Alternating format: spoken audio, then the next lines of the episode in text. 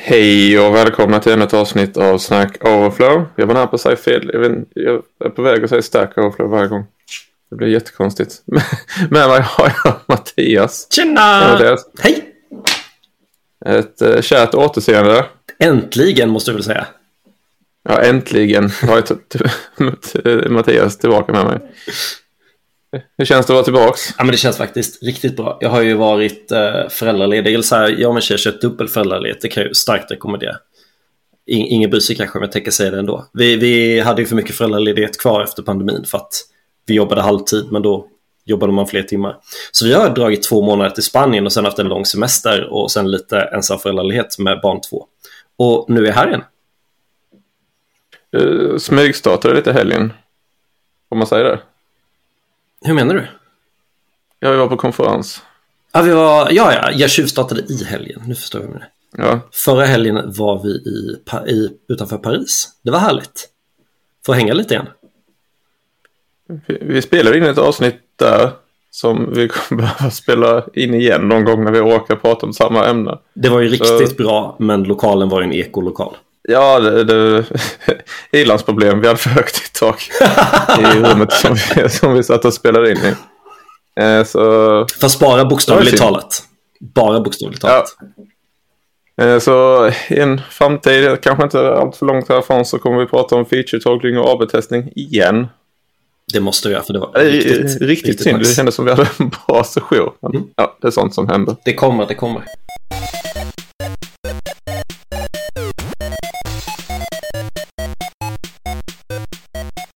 Men det är inte det vi ska prata om idag. Vad ska vi prata om idag då? då ja, low code och no code. För på konferensen så höll ju du en liten session där du pratade om ämnet inför andra människor. Mm. Och jag var en av de andra människorna och jag tyckte det... När du kom tillbaka efter konferensen så tyckte båda det, det här kanske är bra för podden. Så nu sitter vi här. Mm. Så... Det är ju ett väldigt tankvärt ämne. Eller samma. Men jag tänkte du kanske kan få äran att förklara bättre än vad jag gör. Vad skillnaden är mellan de två och vad det är till för. Ja, men kan, kan vi anta att alla som lyssnar här vet vad kod är?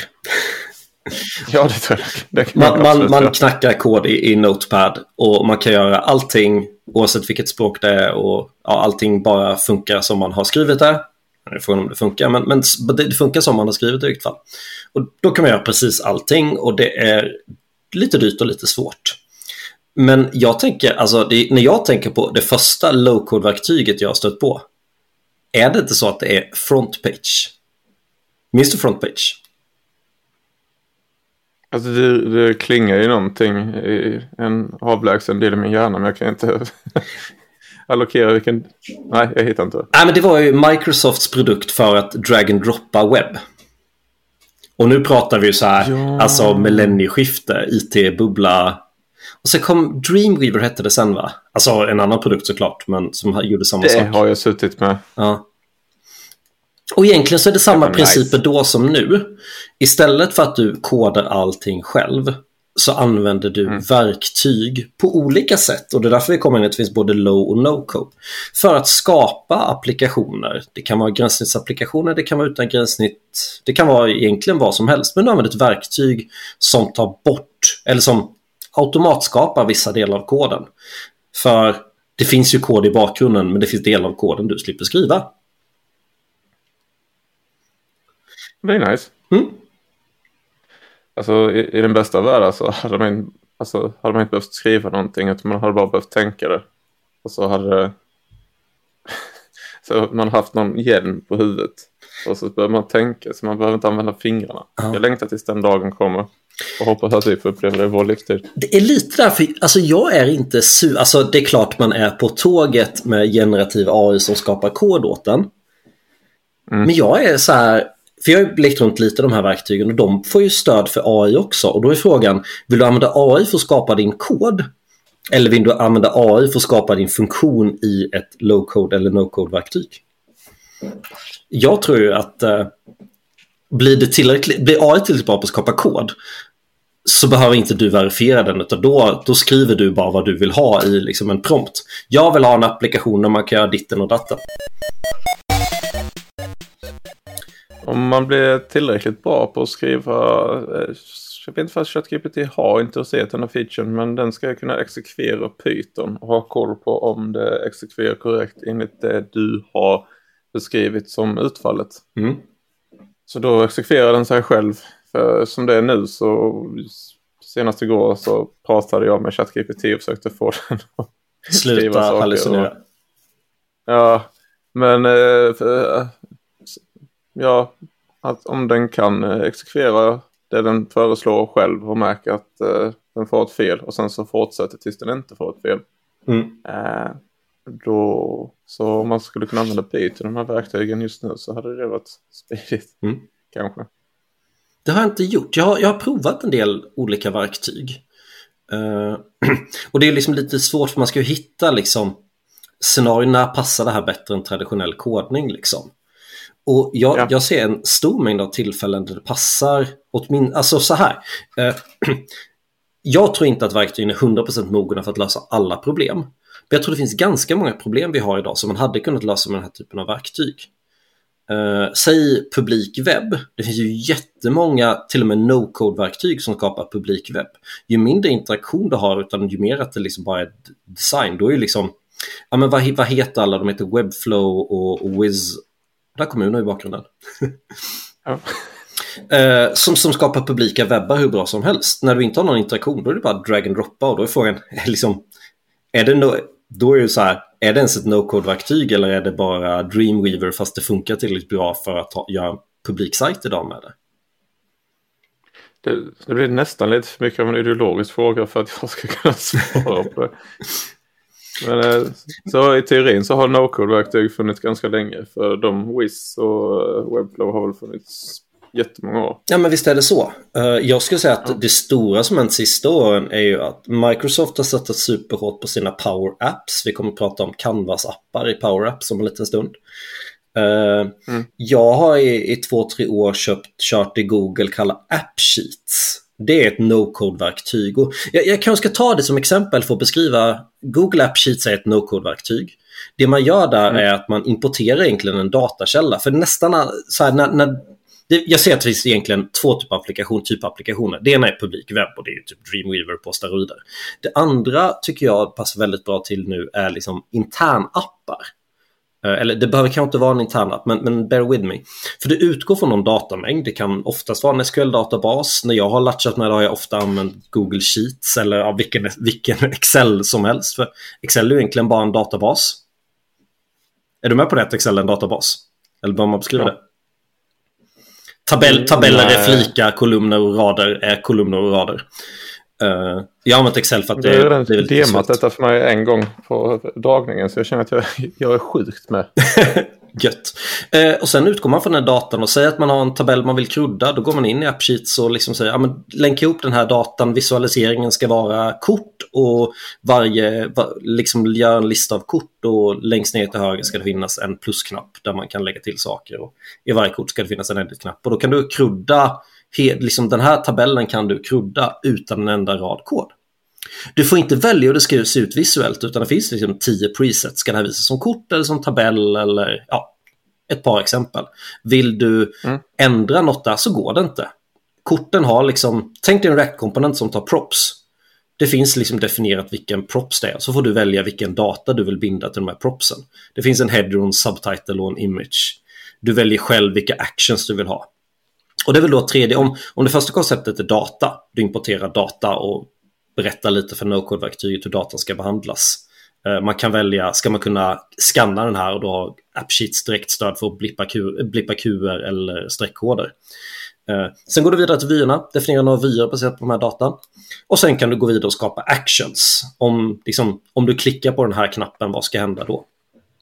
Jag hade ett väldigt enkelt exempel när jag körde min dragning på konferensen där vi hade personer fick registrera sig och då kunde man krudda gränssnittet. Det var jättelätt. En lista av personer och plusknapp längst ner och ingen säkerhet utan alla fick registrera och editera vad som helst. Gött! Jag, jag litade på mina kollegor.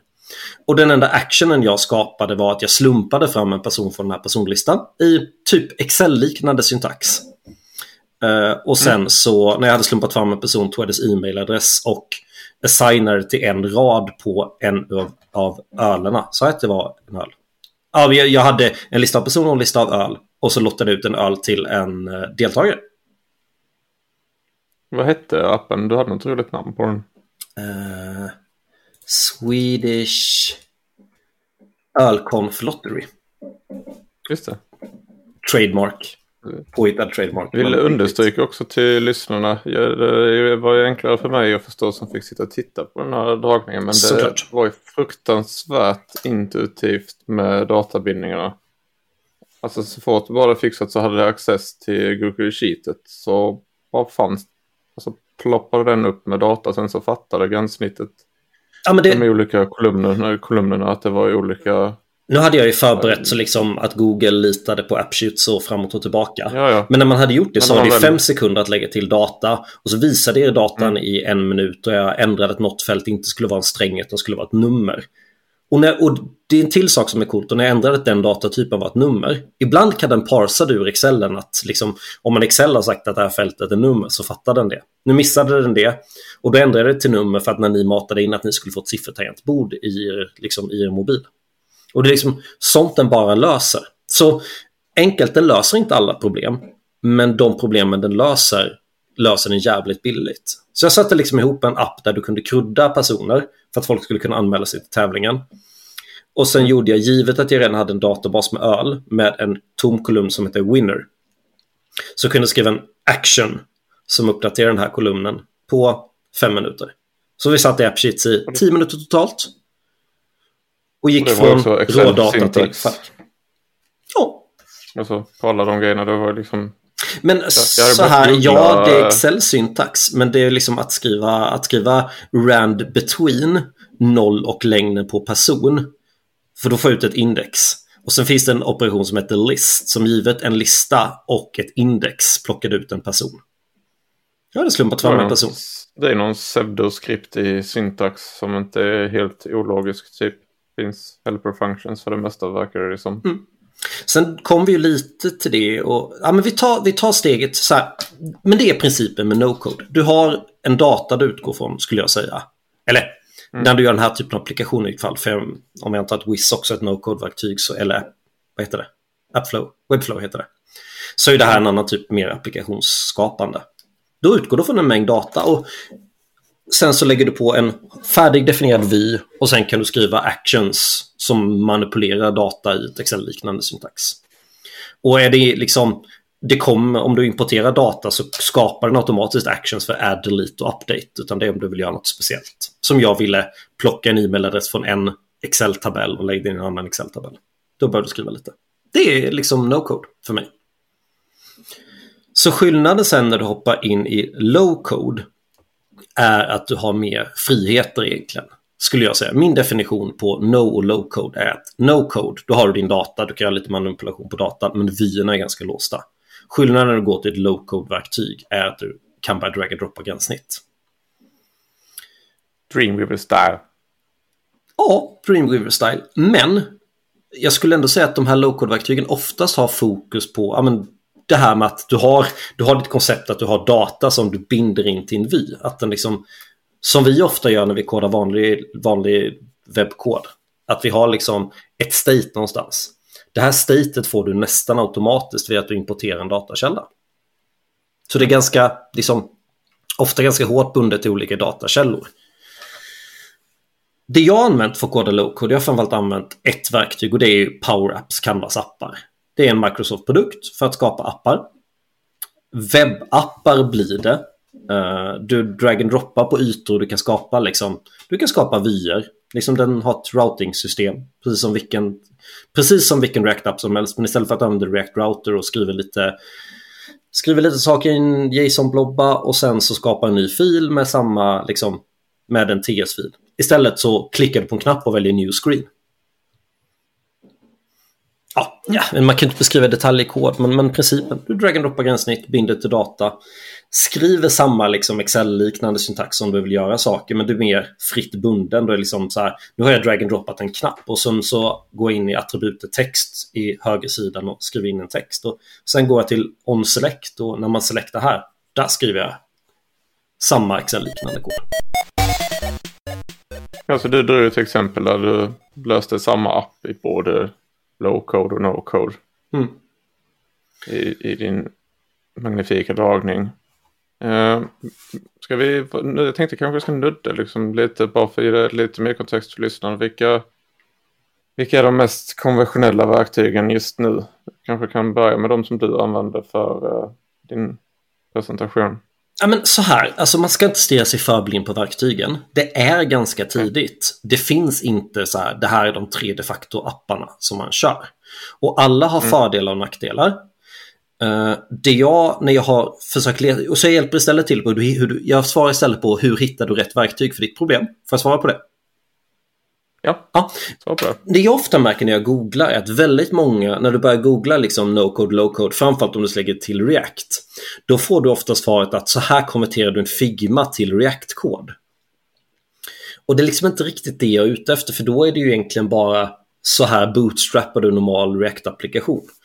Utan jag försöker ju hitta liksom, för mig är det väldigt viktigt att den integrerar mot många olika data. Om det ska bli en självstående applikation, hur du integrerar med olika typer av data. För liksom Google Sheets är kul för ett exempel, men det är roligare när det är riktig data. Då blir de ju mer isolerade. Men, vilket gör att när jag googlar det här så liksom, Googles App Sheets är ett starkt verktyg. Det har en väldigt jobbig betalningsmodell så du måste liksom vara ganska säker. Fördelen med Microsofts Power Apps är ju att eh, alla som kör Teams, vilket jättemånga av våra uppdrag gör, har redan det här liksom färdigt i lådan så det är bara att tuta och köra. Och jag tror inte ens det är speciellt... Jag, jag har dålig koll på betalmodellen där, men jag har ju bara köttat på i vårt konsultbolags utan ens be om lov och ingen har sagt någonting så jag tror att det är gratis i den licensen vi redan har. Eller så är det någon som betalar massa pengar för det. Det finns en nackdel med Power Apps. Det är väl att det är för intuitivt. Du och jag gick ju på en dragning för ett år sedan, ett halvår sedan. Mm.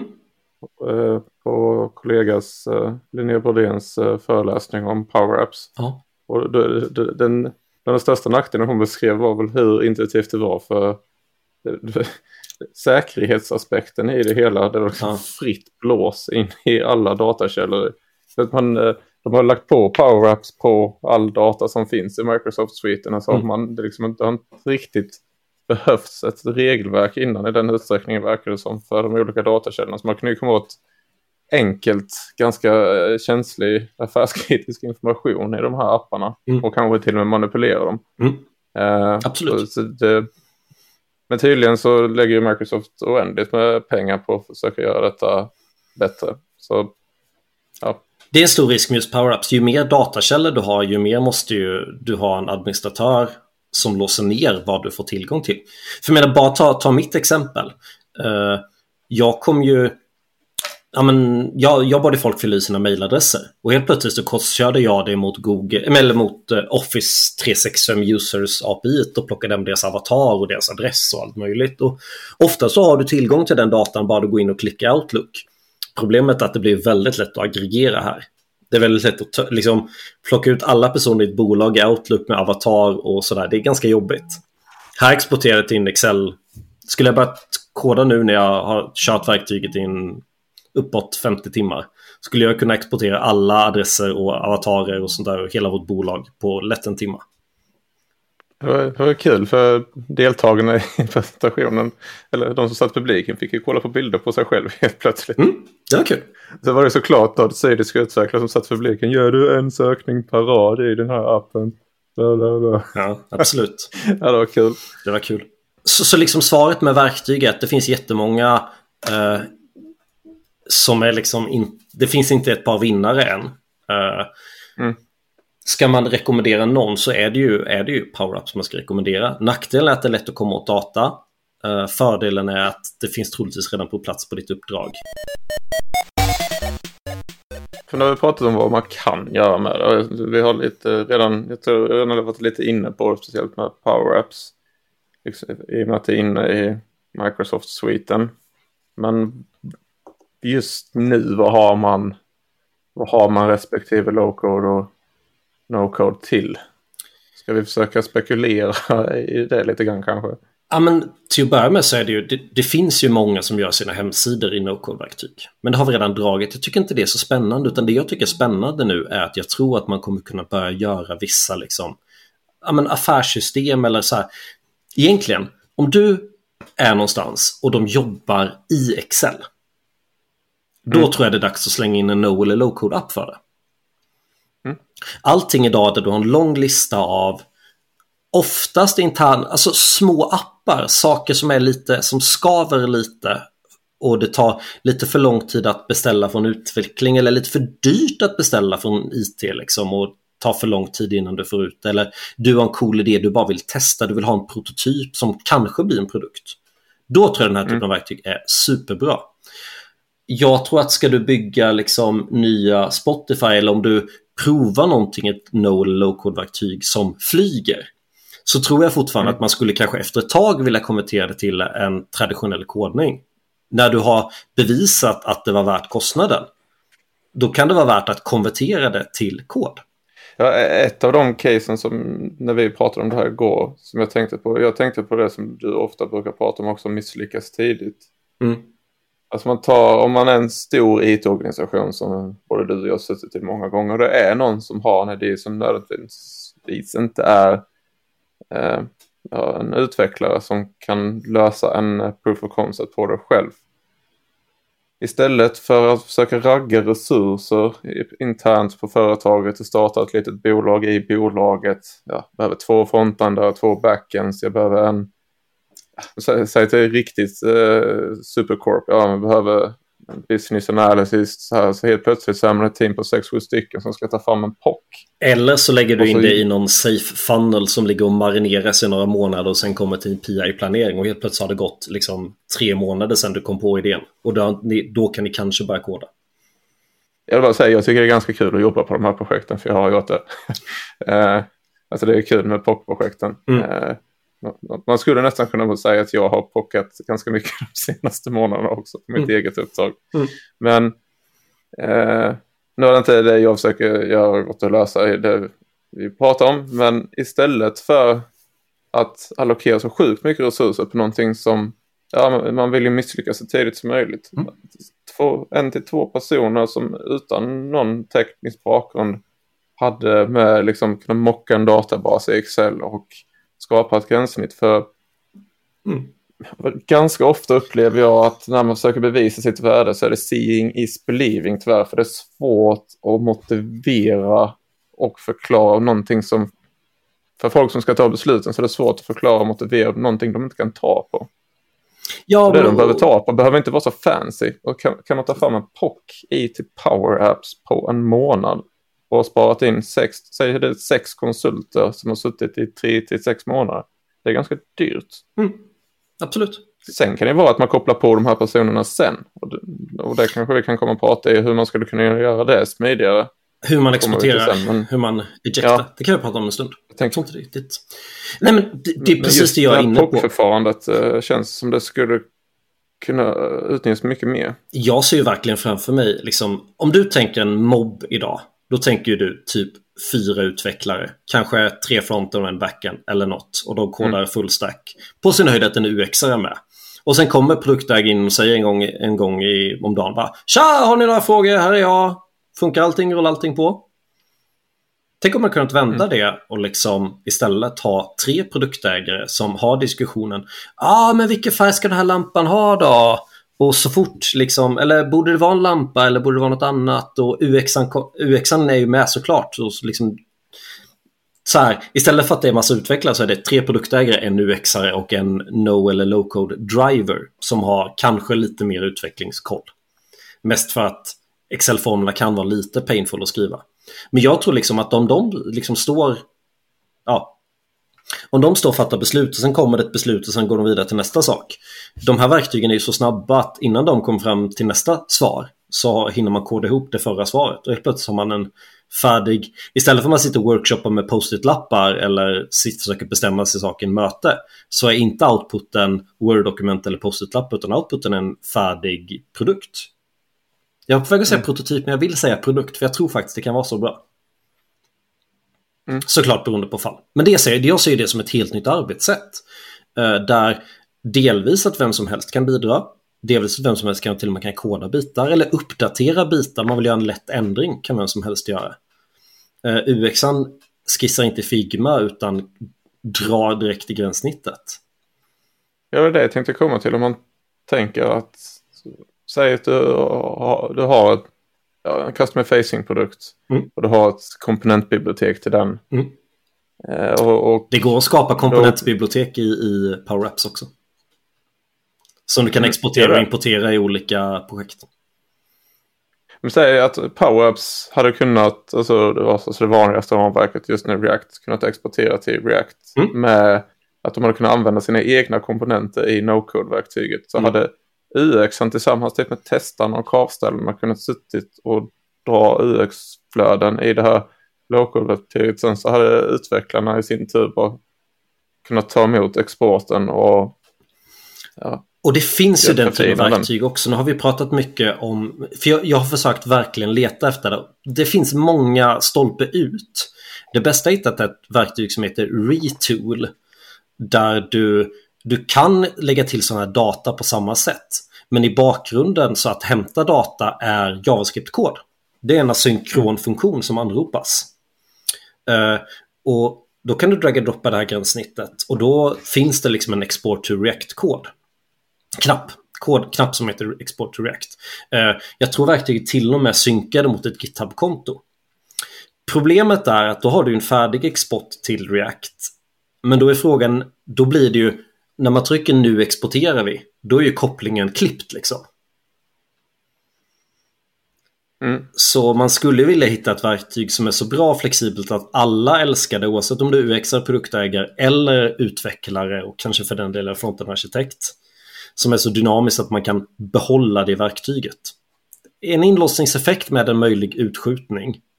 Men det, skulle man komma dit, då tror jag man skulle ha något, alltså då tror jag man skulle bli så sjukt produktiv. Figma är ju faktiskt en bit på vägen. Eh, De eh, släppte ju en superrelease i somras. eh, Och öppnat för tredjeparts-plugin som folk har skrivit. Och som ett exempel till den releasen, jag vet inte om du har kikat på det.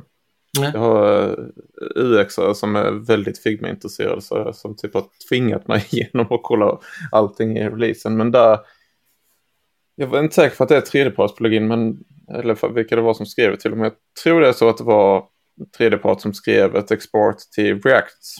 Eh, Så du, det finns ett dev-mode du kan trycka i i Figma och du kan få Figma direkt i VS Code och trycka export till React. Mm. Så då kan, då kan de göra typ det scenariot som jag beskrev. De kan sitta och rita i Figma eh, först. Men då är inte Figma... Där är det nackdelen att Figma... Det, det är inte tillräckligt förspänt för vem som helst ska kunna sätta sig i det. För det har blivit ett ganska krångligt verktyg tycker jag att dra runt och göra... Alltså typ... Om du ska skapa ett nytt gränssnitt från botten så måste du kunna Figma lite och det, sina quirks för att du ska kunna skapa en hel vy ganska snabbt. Det, Mm. det har blivit ganska avancerat.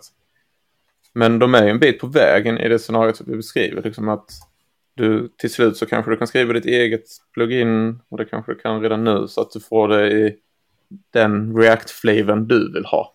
Mm. Alltså, med de verk, alltså med de förutsättningarna du har i ditt React-projekt. Ja. Eh, Ja, så sätt kan man det- spara det- ganska mycket tid.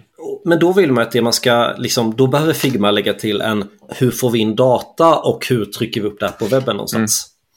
Det finns en sak som vi måste, måste nämna att alla har säkert, eller vi har ju säkert pratat om Quick redan. JavaScript-ramverket Quick.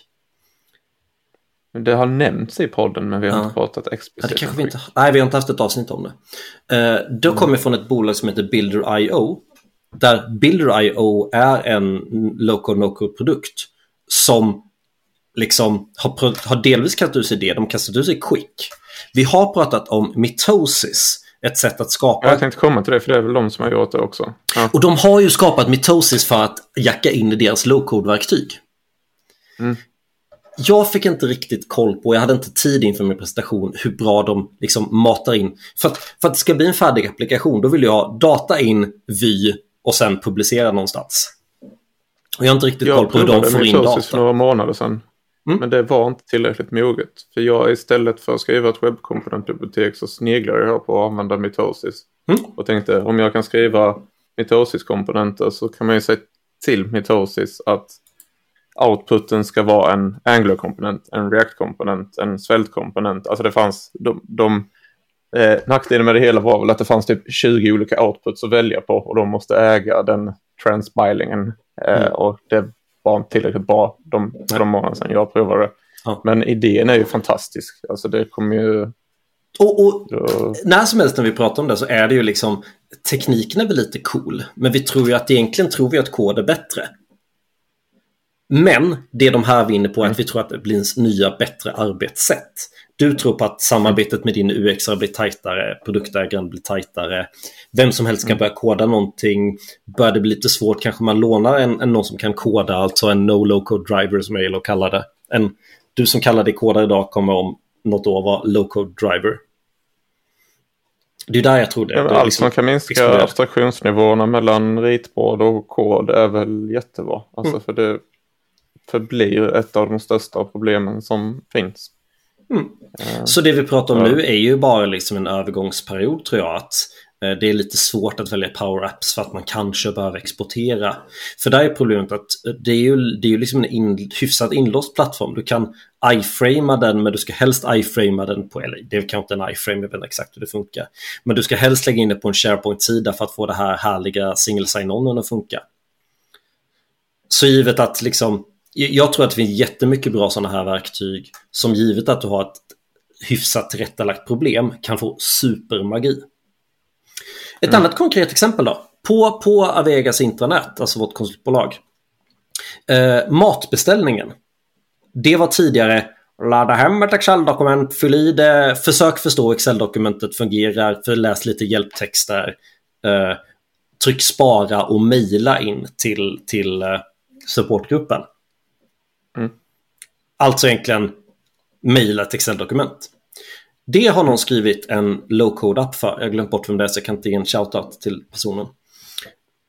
Som, som istället för att du har ett Excel-dokument ger dig en low-code-app. Ja, eller det är ju, det är ju low-code för det är ju power-ups. Uh, där du bara fyller i exakt samma information men liksom gränssnittet blir betydligt enklare än ett Excel-dokument. Och när du trycker spara så det den här appen gör är att den skapar ett mejl som ser ut ungefär som Excel-dokumentet såg ut och skickar till supportgruppen. Så den enda datakälla där är data du matar in och uh, outputen av det är att den skickar ett mejl. Det är den enda data connection. Att den skickar mm. mejl. Jag var lite sugen på att skriva uh, en fortsatt koppling på den som du väljer ut. Liksom det första du gör när du kommer in och ska beställa mat är att du väljer, den listar dina tio närmaste möten du har. Eller kanske alla möten där du är host. Och så klickar du på den och då förifyller den uh, alla som ska gå på mötet. Och så får du kryssa ifall du vet att några tar bort. Då, då lägger till alla som ska gå på mötet. Och så får du ta bort om några ska med på distans. Och sen så kan ju den teoretiskt sett synka mot en tabell där man själv har gått in och lagt in sina matpreferenser. Så att skapa en matbeställning är bara klicka på mötet, du får upp en lista av personerna, kanske ta bort några, kanske lägga till några manuellt och sen tryck på skicka. Outputen är fortfarande exakt samma mail. Om det nu det är mail supportgruppen tycker är enklast. Men... Eh, det är kul och eh, om man kan komma åt kalenderdatan. Vilken på vårt företag har den sjukaste kalendern så att man räknar antalet mötestillfällen i deras outlets. Ge mig en timme. De här personerna lider förmodligen av stress. Det här borde ni fråga dem hur de mår. Och där är det ju i det här, du har rättighet att, vi har ju ställt in vår Outlook för att folk ska kunna se varandras kalendrar för att det ska vara smidigt att jobba. Helt plötsligt går det att aggregera mm. den där datan via det där. Det har ju gått innan också, men nu blir det mer tillgängligt för vem som helst. Intuitivt. Ja. Ge, ge mig en timme. Ja, det, mm. det, förr eller senare så kommer det ju vara att uh, lite så här personlig integritet och sånt kanske kommer kränkas förr eller senare med hjälp av de här verktygen uh, i och med att det är så fruktansvärt intuitivt. Mm. Men det ser jag inte som en nackdel utan snarare som en milstolpe liksom i, när de blir bättre. Att det kommer finnas tydligare sätt att sätta datasäkerhetslager alltså med vad folk får ha access till. Mm. Kanske kommer bli lite jobbigare för folk som är eh, eh typ så här IT-ansvariga på typ, typ som våra organisationer. De kommer kanske få ett lite hårdare jobb med Absolut. Men, administrering. Och det är lite därför jag ofta nu prata om interna appar. Det är av flera skäl. Delvis är det så här, men dataintegriteten är ju fortfarande viktig, men det är i vilket fall inte, du måste fortfarande vara inloggad på liksom, jobbnätet. Det är inte så att du slänger ut det här på internet. Uh, sen finns det andra skäl. Uh, många av de här DevOps-tänken, att du, har liksom, du testar i testmiljö, du testar automatiserar, du feature-togglar, du monitorerar finns oftast inte alls i de omoderna verktygen. Power-ups finns det lite men inte, inte bra nog. Uh, men då är liksom, jag tycker ändå man kan motivera det med att ja, men, om något går sönder, då gör det inte lika mycket för internanvändarna. Jag har ju hellre ett verktyg som halverar min arbetsbörda om det funkar 90% av tiden. Då kan det vara värt att det är nere 10% av tiden. Om det inte är supertidskritiskt liksom så. Är det lika intuitivt att lägga till, i, om vi tar Power App som exempel, liksom RBAC-rättigheter och AD-grupper och sånt? Alltså reglera åtkomst och ja, det, koppla på det, Microsoft Authentication? Och... Nej, men du behöver inte bry dig ens. Eller i vilket fall inte när, när det är inkapslat i en SharePoint-app eller att du lägger till appen direkt i Teams. Teams skriker just nu, det finns en app för det här. Har du inte sett den reklamen i Teams?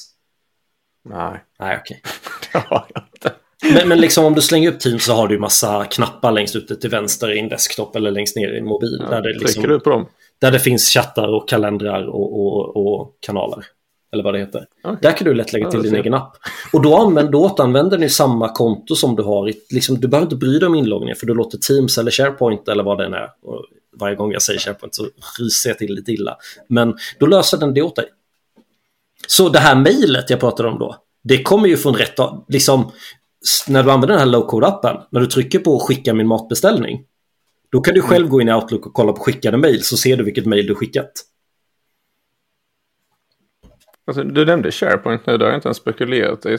Kommer du, tror du det finns något paradigmskifte i horisonten liksom så för som vår landningssida för vårt internet är skriven i det antar jag. Ja, men då kan man väl nästan, så här, om, jag, jag, vet inte om, om en Microsoft skulle slå mig nu, men i min mentala modell så tänker jag att SharePoint är no-code-verktyget och Canvas-apparna är low-code-verktyget. SharePoint är jättebra. Jag fighten, jag vågar inte sticka ut hakan. Nej, jag, jag managerar ju en, en, kompetensgrupp, leder en kompetensgrupp av Vega. Eh, och varje gång någon hoppar in och ut så är det liksom uppdatera en avatar på en, på en eh, intranetsida. Det gör jag i SharePoint. Och mm. liksom, ja. Det funkar ju, men det är ju ett no-code-verktyg. Men där kommer vi in lite i gränslandet då. För jag menar, vi pratar ju lite om, om Frontpage och Dreamweaver. Jag skulle vilja säga att det finns ett annat verktyg som börjar som ett no-code men som kan bli low-code. Har du talat om Wordpress? Ja, till och med. Jag. ja, men så här, eh, vi har inte kallat det low-code eller no-code-verktyg tidigare. Eh, men det är ju praktiken är det. Så att 12% av alla sajter på internet är Wordpress? Ja. De hade ju någon så sjuk siffra ett tag. Ja, det är väl till stor del på grund av eh, Wordpress som så stor del av webben fortfarande POP i vilket fall. Ja. Kul. Ja. ja, men det, det, det är en sån sjuk POP. siffra. Jag, jag, vet inte om det till och med är sjuk. Jag vet inte statistiken längre. Jag, skulle jag börjat killgissa skulle jag killgissat 40 procent. Det var en dansk som kan komma på idén att det ska vara ett rekus, en rekursiv namngivning på ett programmeringsspråk. Härligt väl? POP Hyperprocessor. ja. Jag, ska, jag tror jag nämnt det på den tre gånger innan det är lika roligt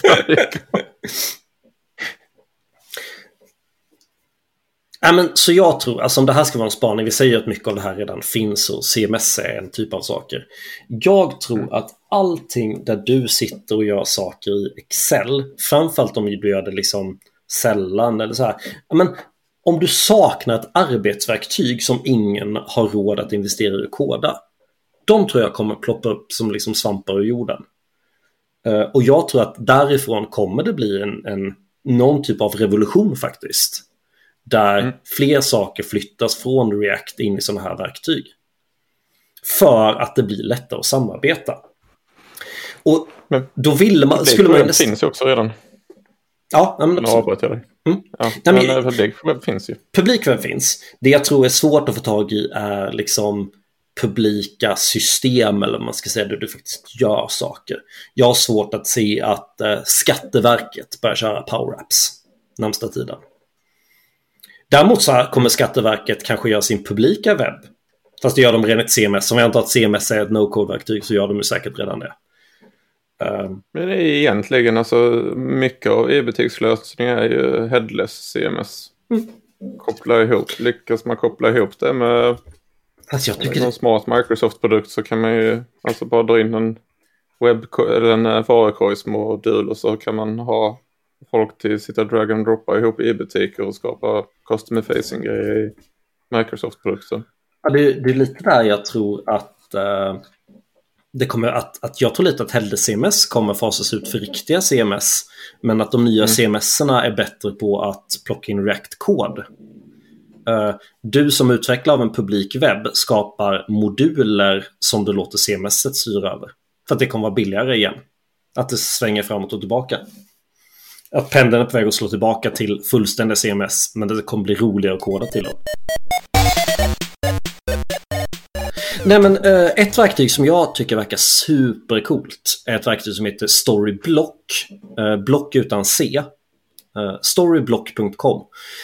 Där vet inte om det är bara Vue eller om de har stöd i React också. Men principen är verkligen du skapar dina understa komponenter, alltså de som renderar gränssnitt. Och de tar emot mm. props. Men istället för att du populera propsen med din feta webbapplikation. Så blir propsen, liksom du drag droppar en sida och i högerkolumnen du klickar på någonting som du ser på skärmen. Säg att det är en, en hero-sektion. Uh, och istället, du kan inte pilla på varenda minsta sak in i den här story hero-sektionen. Utan istället längst ut till höger har du props. Mm. Istället för att vi skriver en hel applikation så skriver vi bra återanvändbara minsta komponenterna som en redaktör drag and droppar ihop och fyller i props. Så det är inte så att den drag and droppar textfält, säg som Webflow, där drag and droppar du vad som helst. Utan här drag and droppar du de, liksom de React eller View-komponenterna som någon har knackat. Men det är ju för nästan alla lösningar som vi har snackat om idag, liksom, även om det varit Figma eller så här när det exporteras till någonting så här, känns det som det just nu så ligger all, utan att veta hur marknaden ser ut så du kan det här mycket bättre än mig, men mm. det känns som det finns en renskrivningsfas i alla de här verktygen. Just nu. Mm. Ja, men det, det, finns risk att det blir dålig sån här mindre mängd kod. Och det är liksom ett nytt tankesätt som ska byggas upp. Uh... Men också att det, kän, det känns som det här kommer någon vilja lösa. Men alltså databindningarna, alltså mm. att det är renskrivning först och fronten och sen så måste man koppla på datan. Mm. Men säg att man tar bort dem två, alltså någon är väldigt smart och löser det. Du kan koppla in din superintuitiva grafdatabas till Eh, det här gränssnittet och så kan du drag and droppa vad som ska hända när du trycker på knapparna. Liksom. Och då är du då, får... då har du lämnat över ansvaret för appen och lämnat över till någon, någon sak som sitter ja. i mitten. Du kan väl koda adaptorer för att få in data och du kan koda komponenter för att få upp det på skärmen och sen sitter någon i mitten i något gränssnitt som du köpte in och drag and droppa ihop det. Det kan ju vara värt jätte, alltså för, för det kan man ju tycka det redan finns på alla e-butikslösningar, men friheten i de e-butikslösningarna nu i hur saker ska se ut och fungera är ju inte så stor. Alltså de är ofta ganska, hår, ganska hårt styrda om du inte väljer en headless-lösning. Mm. Eh, utan att ha arbetat med dem väldigt länge, men de som jag har sett, alltså de stora, mm. eh, är ju alltså, så blir det ganska mycket tilläggstjänster också eh, så fort man vill eh, göra någonting roligt. Det kan ju vara, lyckas man skapa friheten att kunna skapa egen UX och ändå ha databindningarna och inte behöva renskriva det så mycket. Det kan vara värt fruktansvärt mycket pengar. Men du skapar fortfarande dina React-komponenter tillsammans med UX så redaktörerna till CMS bara kan skjuta sig lite i foten. Ja. Du minskar, för, problemet med de här verktygen har ju varit att det varit alldeles för lätt att skjuta sig i foten. Och mm. reglerar du data in och reglerar du komponenter så minskar du chansen att skjuta dig i foten. Ja, det är en mörk, mörk tid vi har framför oss som eh, frontenutvecklare. känns som det i kombination med AI känns som det kommer behövas mindre och mindre av oss. Ja, eller kommer vi göra vettigare och vettigare saker. Uh, Kanske. Det är också ett sätt För jag menar, det. det är ju inte så att det är, finns överflöd av utvecklare. Nu är det visserligen lågkonjunktur, men, men innan dess har det alltid varit alldeles för få. Man har, man har velat åstadkomma saker om man till en utvecklare, men man har inte råd att gå hela vägen dit. Jag tror att vi istället för att kom... Så här, det är jobbigt för de som bara vill koda kod för att det är kul att koda kod. Men om du kodar kod för att lösa ett problem, då tror jag du kommer liksom lösa fler problem mot kunden snabbare. Jag tror inte man fick säga lågkonjunktur. Jag tror det var som i de första Harry Potter-filmerna när man inte... Vad sa jag? Harry Potter. Harry- De första Harry Potter-filmerna när man inte får säga Voldemort. Jag tror det var samma devis. The one who should not be named. ja, det finns det på riktigt. Nu är han tillbaks, lågkonjunkturen. Oh yeah. Fast det är lugnt, han dör ju i slutet. För er som inte har sett Harry Potter så spoilar jag det. Slipper ni kolla på sju eller åtta filmer bara. Åtta filmer. Ja, han, han blir bara pulver. Han blir bara pulver i slutet. Du ska inte ta åt dig alls, det bara gled av det att jag sa att det var åtta filmer. Nej, jag lägger inte så mycket stolthet faktiskt. i- Jag vet att många Harry Potter-filmer finns. Det gör jag. Det finns väl... Eh, finns det lika många filmer som böcker? Nej, eh, sista Nej, boken blev två filmer. Visst det, så var det. Fan, du är mm, ungefär min ålder. Gick inte du också så här, var ungefär lika gammal som honom och när sista boken kom ut? Så, ja. Jo, jag hade ju till och med Såg glasögon. filmerna. Så jag var ju Harry Potter. Ah, det är Ja, därför där är du pannan ja, det är därför har det där jävla ärret i pannan. Jag har alltid undrat. Ja. ja, jag är Harry. Jag har- har mycket igenkänning i karaktären Harry Potter. Mm. Men, Ja, men jag hade ju aldrig knäckt staven i slutet som han gjorde. Det var ju skittöntigt. Men ska vi börja avrunda lite då? Vi tar båda det här på vår radar. Eh, det finns vissa problem vi definitivt skulle rekommendera att köra den här typen av tools i. Eh, Mm. Jag körde hemma eh, till lite olika exempel. Till exempel så vår Vad ska vi laga-applikation är ju definitivt skriven i no-code. Till Toves stor, stora förtjusning. Absolut. Mattias introducerar ännu ett tekniskt verktyg. Uh-uh. Skitjobbigt. Den har eh, två vyer. Eh, Alla recept och saker vi ska äta den här veckan. Och när det börjar bli lördag söndag så sitter man i alla recept. Sorterar efter ju länge sedan det var vi lagade. Liksom. Ju äldre, ju troligare att man vill laga det igen. Och så sitter man och klickar laga denna veckan. Sen går man in i veckans interface och säger laga måndag, tisdag, onsdag, torsdag, fredag. Och då ser man ju bara, eller fredag är det, för fredag vill man ju äta något gott. Så då, ja, det blir Ja, Du, du har kommit Det längre i ditt. IT-förhållande än vad jag har. Jag har precis fått... Nej, eh, Det är ju IT-acceptansen. Det är ju det är ju inte längre... Och, ärligt talat, alltså, även om man kodar saker hemma. Och jag tror även, alltså, jag tror att det går att extrapolera. Eh, jag, när jag gör saker hemma så är jag antingen det i, i uh, AppSheets eller så kodar jag det själv. Och de sakerna jag kodar själv slutar funka efter en månad och så måste man pilla lite. Eh, Det kan vara att min token till min Samsung TV har gått ut som min Node-applikation för att styra TVn behöver en ny token. Oh yeah. och de strular. För man måste småpilla. Men de här no-code-apparna är ju superstabila. De, är, de kan inte göra så mycket, men de gör det jävligt bra. Skittråkigt när halva hemmet fallerar för att man har utgående certifikat. Nej, sånt som händer. Jag har precis lyckats med bedriften att få Emily att använda vår gemensamma kalender. Det har tagit flera år. Eh, och, sen, och sen nu har det liksom vänt på det. Men då kollar du inte i kalendern. För jag har alltid gett, Oh. ja, för jag har alltid gett så här syrliga, cyniska, så här, men lägg in det i den gemensamma kalendern då. Ja, Och sen så nu när hon har gjort det så använder hon det mot mig.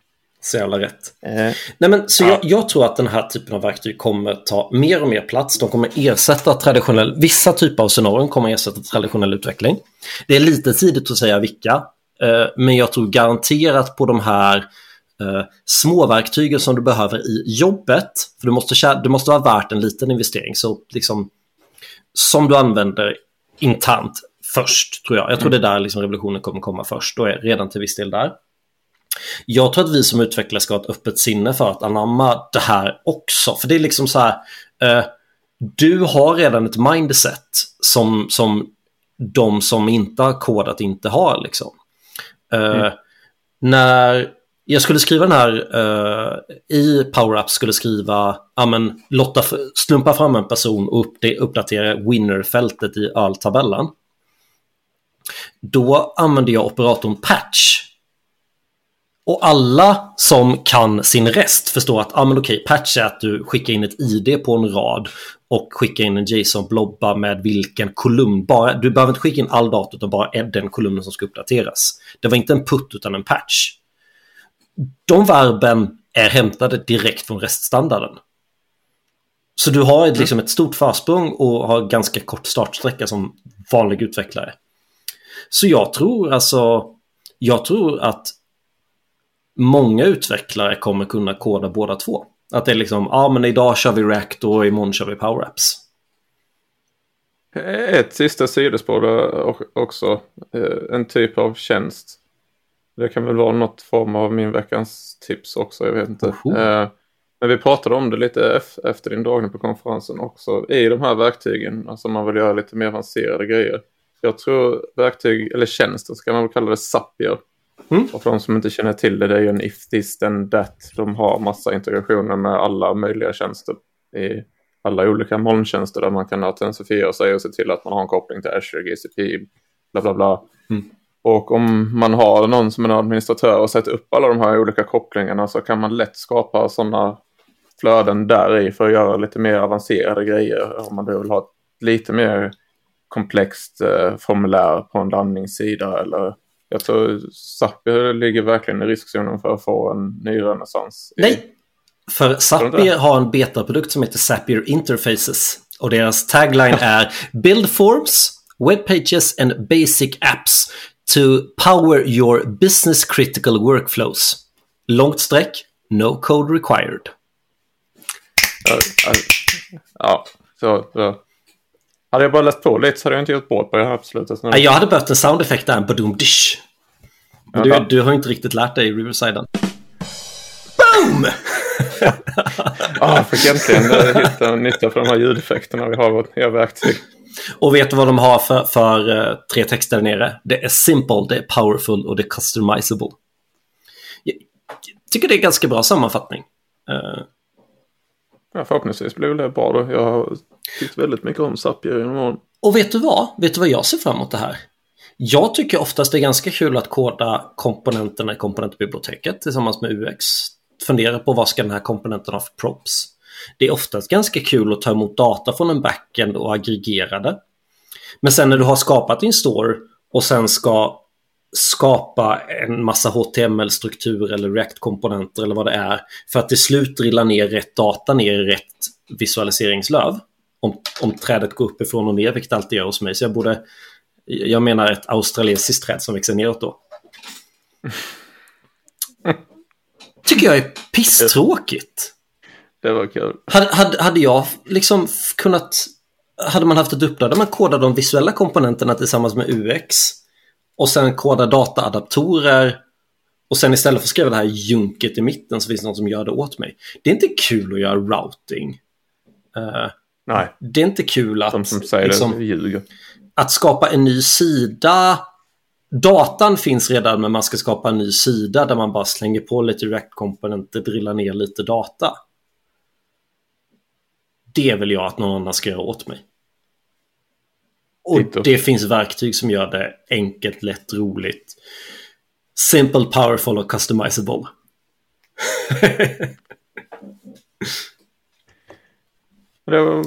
jag känner att vi har kommit eh, fram till en ganska bra sammanfattning ja. av vad vi, vad vi tror. Nej, men och, och, och, och, riskerna när du ska utvärdera det, det är ju liksom så här inlåsningseffekten, hur jobbet skulle vara att ejecta. Mm. Jag tror på att man lite Framförallt om det är ett sånt här internsystem vi pratar om. Ett litet isolerat, liksom tydlig input, tydlig output. Jag tror man ska våga embracea eh, verkligen low-code-tänket på det sättet. Inte försöka välja ett verktyg som nästan passar med det vi redan har. Utan verkligen ta, ta i svängarna och hitta en frihet liksom. Verkligheten är också att de flesta frontend, eh, alltså frontend-repon är ju legacy redan efter ett år. Så ja. Alltså. Inlåsningseffekten finns ju i praktiken i min mening redan överallt på alla stora IT-organisationer. Så jag tycker inte man ska... Men där är ju webbkod bra på att prata med webbkod. Alla de här kommer nästan ja. med en inlåsningseffekt att de är lite jobbiga att droppa in hur som helst, vad som helst. Många av de här sakerna jag pratar om är ju liksom, det är ju... Det blir ju Teams-appar eller vad som helst liksom. Zapier är ju mm. lite, men Zapier är samma sak där. Det finns en deploy-knapp längst uppe till höger. Och sen så kan du skicka in din custom domain om du vill. Men det finns ju inget sätt att prata gränssnitt till gränssnitt med din andra kod. Nej. Det är ju en, på det sättet, det är både en inlåsningseffekt i verktyget och i produkten är det en inlåsningseffekt. Kommer kanske luckras upp. Men jag kan tycka att inlåsningseffekten, skillnaden mellan att inte ha någonting och sen ha en färdig app eller att gå via ett low-code-verktyg. Så liksom, upplever inte du ofta att du gör någonting och när det är klart så behöver du göra om ganska mycket för de, när de, när de började prova det så hade de tänkt lite fel. Mm. Tänk att få gå igenom den fasen i ett icke-kodarverktyg. Den fasen blir mycket kortare.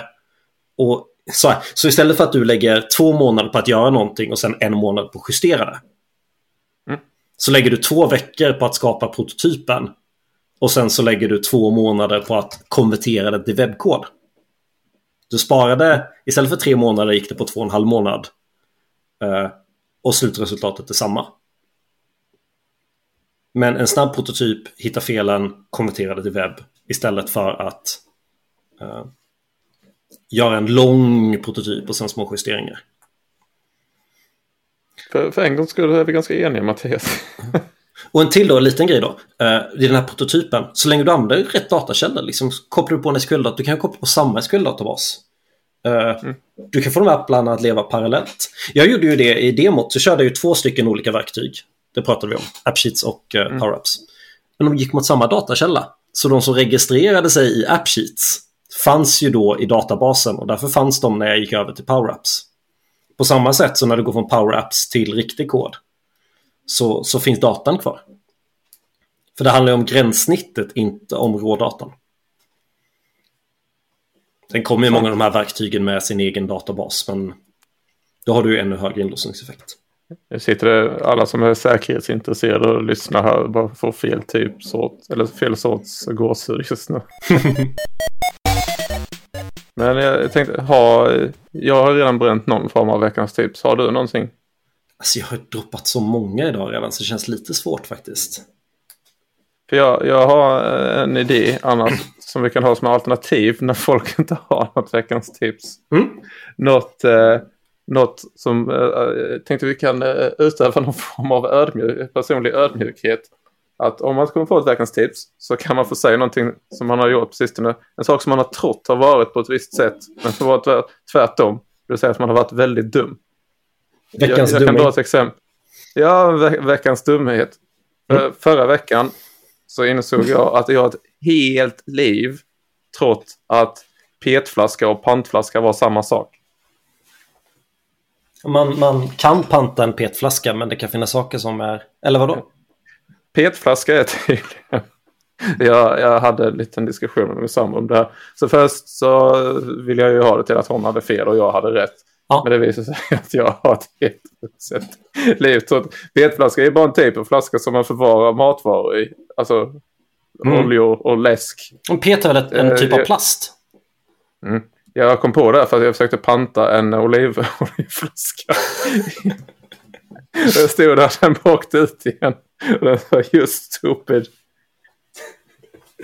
Det, det, var min veckans dumhet att jag insåg att jag hade ett helt vuxet liv. Ja. Trots att petflaska och pantflaska var samma sak. Men vet och du jag fick reda på det genom en pantmaskin. Härligt. Men eh, jag har fan ett veckans tips ändå och det är ju helt på temat. Om du har ett Excel-dokument du jobbar med som du i, med liksom, någon typ av intervall fyller i data i. Då, så det här är inte veckans tips, det här är veckans challenge. Testa att lägga in det i Google App Sheets och ge det, ge det 30 minuter. Läs ingen dokumentation utan bara kör. Släng in datan, skapa en visualisering för det. Veckans challenge. Jag håller med. Do it. Toppen! Då kan, kan vi kanske det här. Ja, vi kan det här. Tack för att ni, tack för att ni lyssnade. Yes. Ha det bra. Ciao! Hej!